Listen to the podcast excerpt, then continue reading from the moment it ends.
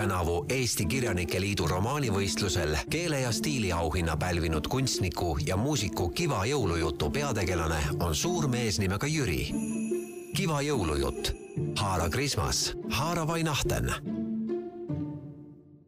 pika vahuse oja veerel väikeses majas elas Jüri.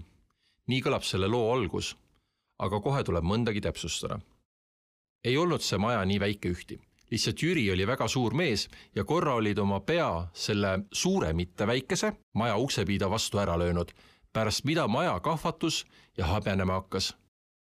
ja teatavasti muutub see, kes häbeneb oma kasvult alati veidike väiksemaks. nii saigi suurest majast väike maja. Jüri pani lipsu ette, võttis kõpla ja kaevas ukse alla käigu, et edaspidi ilma pead löömata õue pääseda. õues talle meeldis kuna õue pääsenuna tundis ta ennast alati justkui ula peale lastud õhv. selle sündmuse olulisuse rõhutamise huvides pani ta veel ühe lipsu kaela.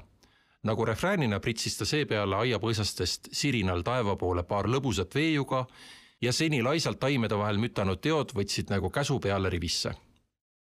seekord istus Jüri hoovi peale jõudnud oma väikesesse plekist autosse. ent kuidas mahtus suur Jüri väikesesse autosse, küsiti nüüd. ka selleks oli Jüril oma nupp ja nipp varnast võtta.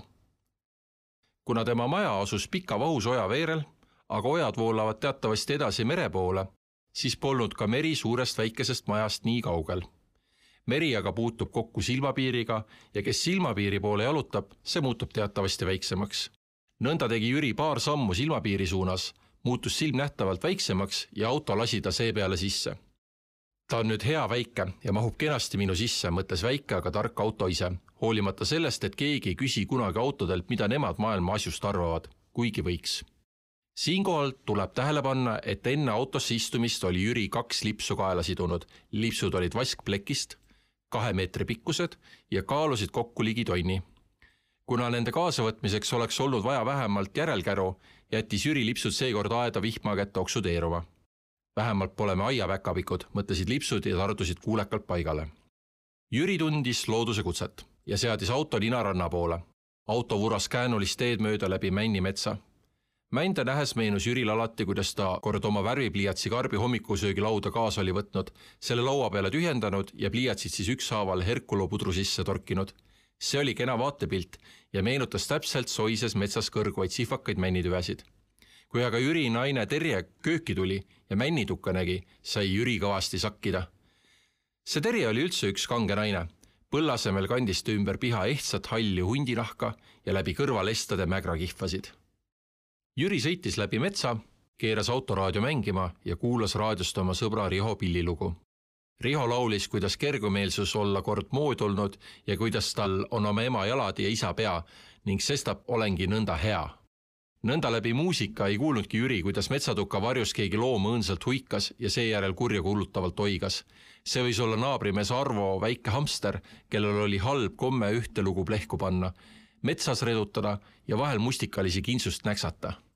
Arval polnud mahti käia päevad läbi ulakat elajulooma karjatamas ja taga ajamas, sest Arvo oli nimelt helilooja, kes katsetas, kas õnnestub klaveril mitut klahvi korraga alla vajutada, nõnda et see ka kõrvale kena ja südamele hea kuulata oleks nõnda oli ta leidnud mitu salajast harmooniat, mida üle laia ilma hinnata osati.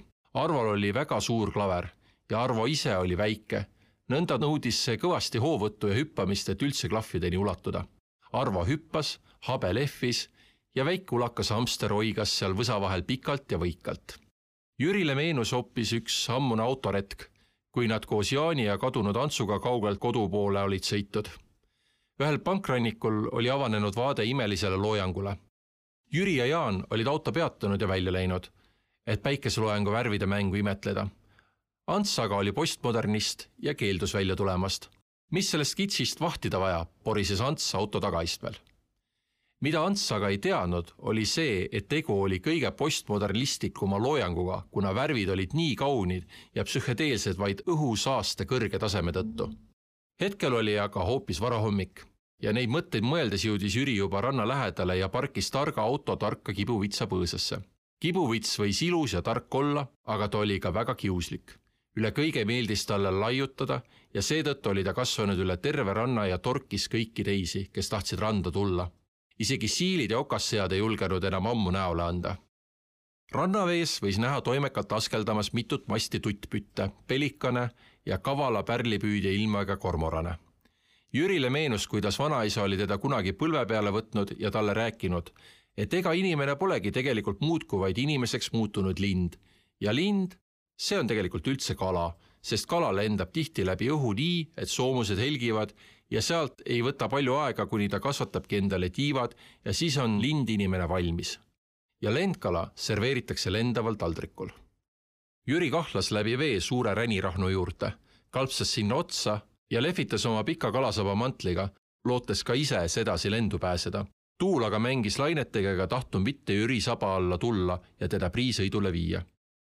Jüri ei heitnud meelt vaid läks ja ronis rannas kibuvitsa põõsaste vahel kõrguvasse vahitorni, et natukenegi taevale lähemal olla. vahitornis vedeles kellegi vana kiiker ja Jüril tuli meelde, miks ta üldse siia oli tulnud. ta töötas ju rannavalvurina, see oli tähtis töö, sest valvamata rand on ikkagi valvamata rand, pole midagi teha. kohe haaras ta kiikri, suunas selle merele ja kiikas algul ühest, siis teisest otsast sisse.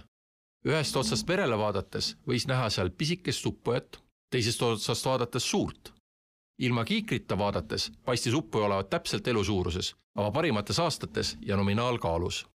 kiirelt turnis Jüri tornist alla, viskas riided käigu pealt kibuvitsapõõsasse ja kahlas läbi lainete. Varsti õnnestus tal merest kätte saada pirakas inimese mõõtu nukk.